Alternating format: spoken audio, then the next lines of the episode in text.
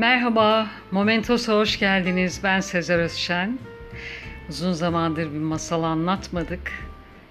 Belki küçük arkadaşlarımız bekliyorlardır bizden masal. Yoksul ayakkabıcıyı anlatalım bugün.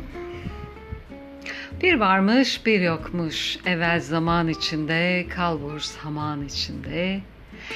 Eski bir kulübede yaşayan yaşlı bir adam ve karısı varmış.''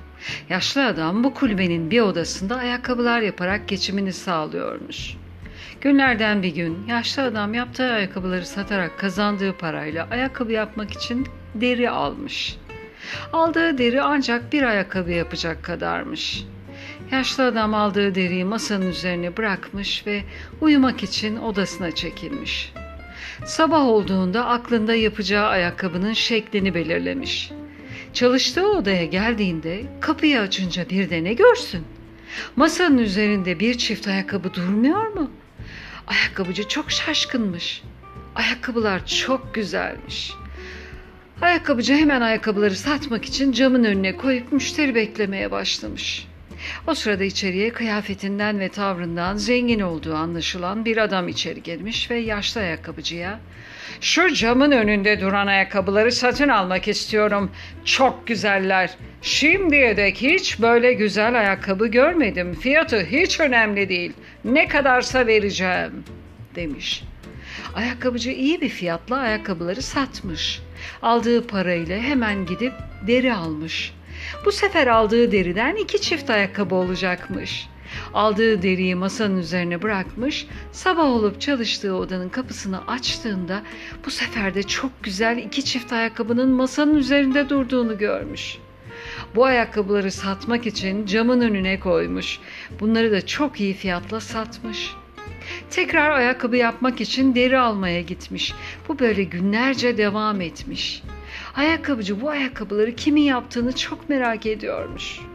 Öğrenmek için bir gece odadaki dolabın içerisine saklanmış. Olanı biteni görmek istiyormuş. Gece yarısı olduğunda odanın kapısı açılmış ve içeri küçük küçük cinlerin girdiğini görmüş. Küçük cinlerin neşe içinde dans ederek derileri kesip biçmeye, kestikleri derileri yapıştırmaya, bağcıkları takmaya başladıklarını görmüş. İşlerini çok çabuk bitirip yine dans ederek çıkıp gitmişler. Ayakkabıcı hemen dolaptan çıkarak karısına olanları anlatmış. Onlara teşekkür etmek amacıyla ne yapmaları gerektiğini düşünmeye başlamışlar. Sonunda onlara yiyeceklerle teşekkür etmeye karar verip bir sürü yiyecekler yapıp masanın üzerine bırakmışlar ve odanın kapısını kapatmışlar. Ertesi gün masanın üzerindeki yiyeceklerin hepsinin bittiğini ve o yiyeceklerin yerinde bir sürü güzel ayakkabılar olduğunu görmüşler. Cinler o günden sonra bir daha gelmemişler. Ayakkabıcı da sattığı ayakkabılardan kazandığı paralarla bir daha hiç yoksulluk çekmemiş.'' Ayakkabıcı küçük ayakkabı cinlerini her düşündüğünde onlara minnet duymuş ve aklından belki de küçük ayakkabı cinleri bambaşka yerlerde yine danslar ederek ayakkabılar yapıyordur diye geçirmiş. Gökten üç elma düşmüş, biri bu masalı yazanın, diğeri okuyanın ve en sonuncusu da dinleyenlerin başına. Teşekkürler. Hoşça kalın. Momentos'ta kalın.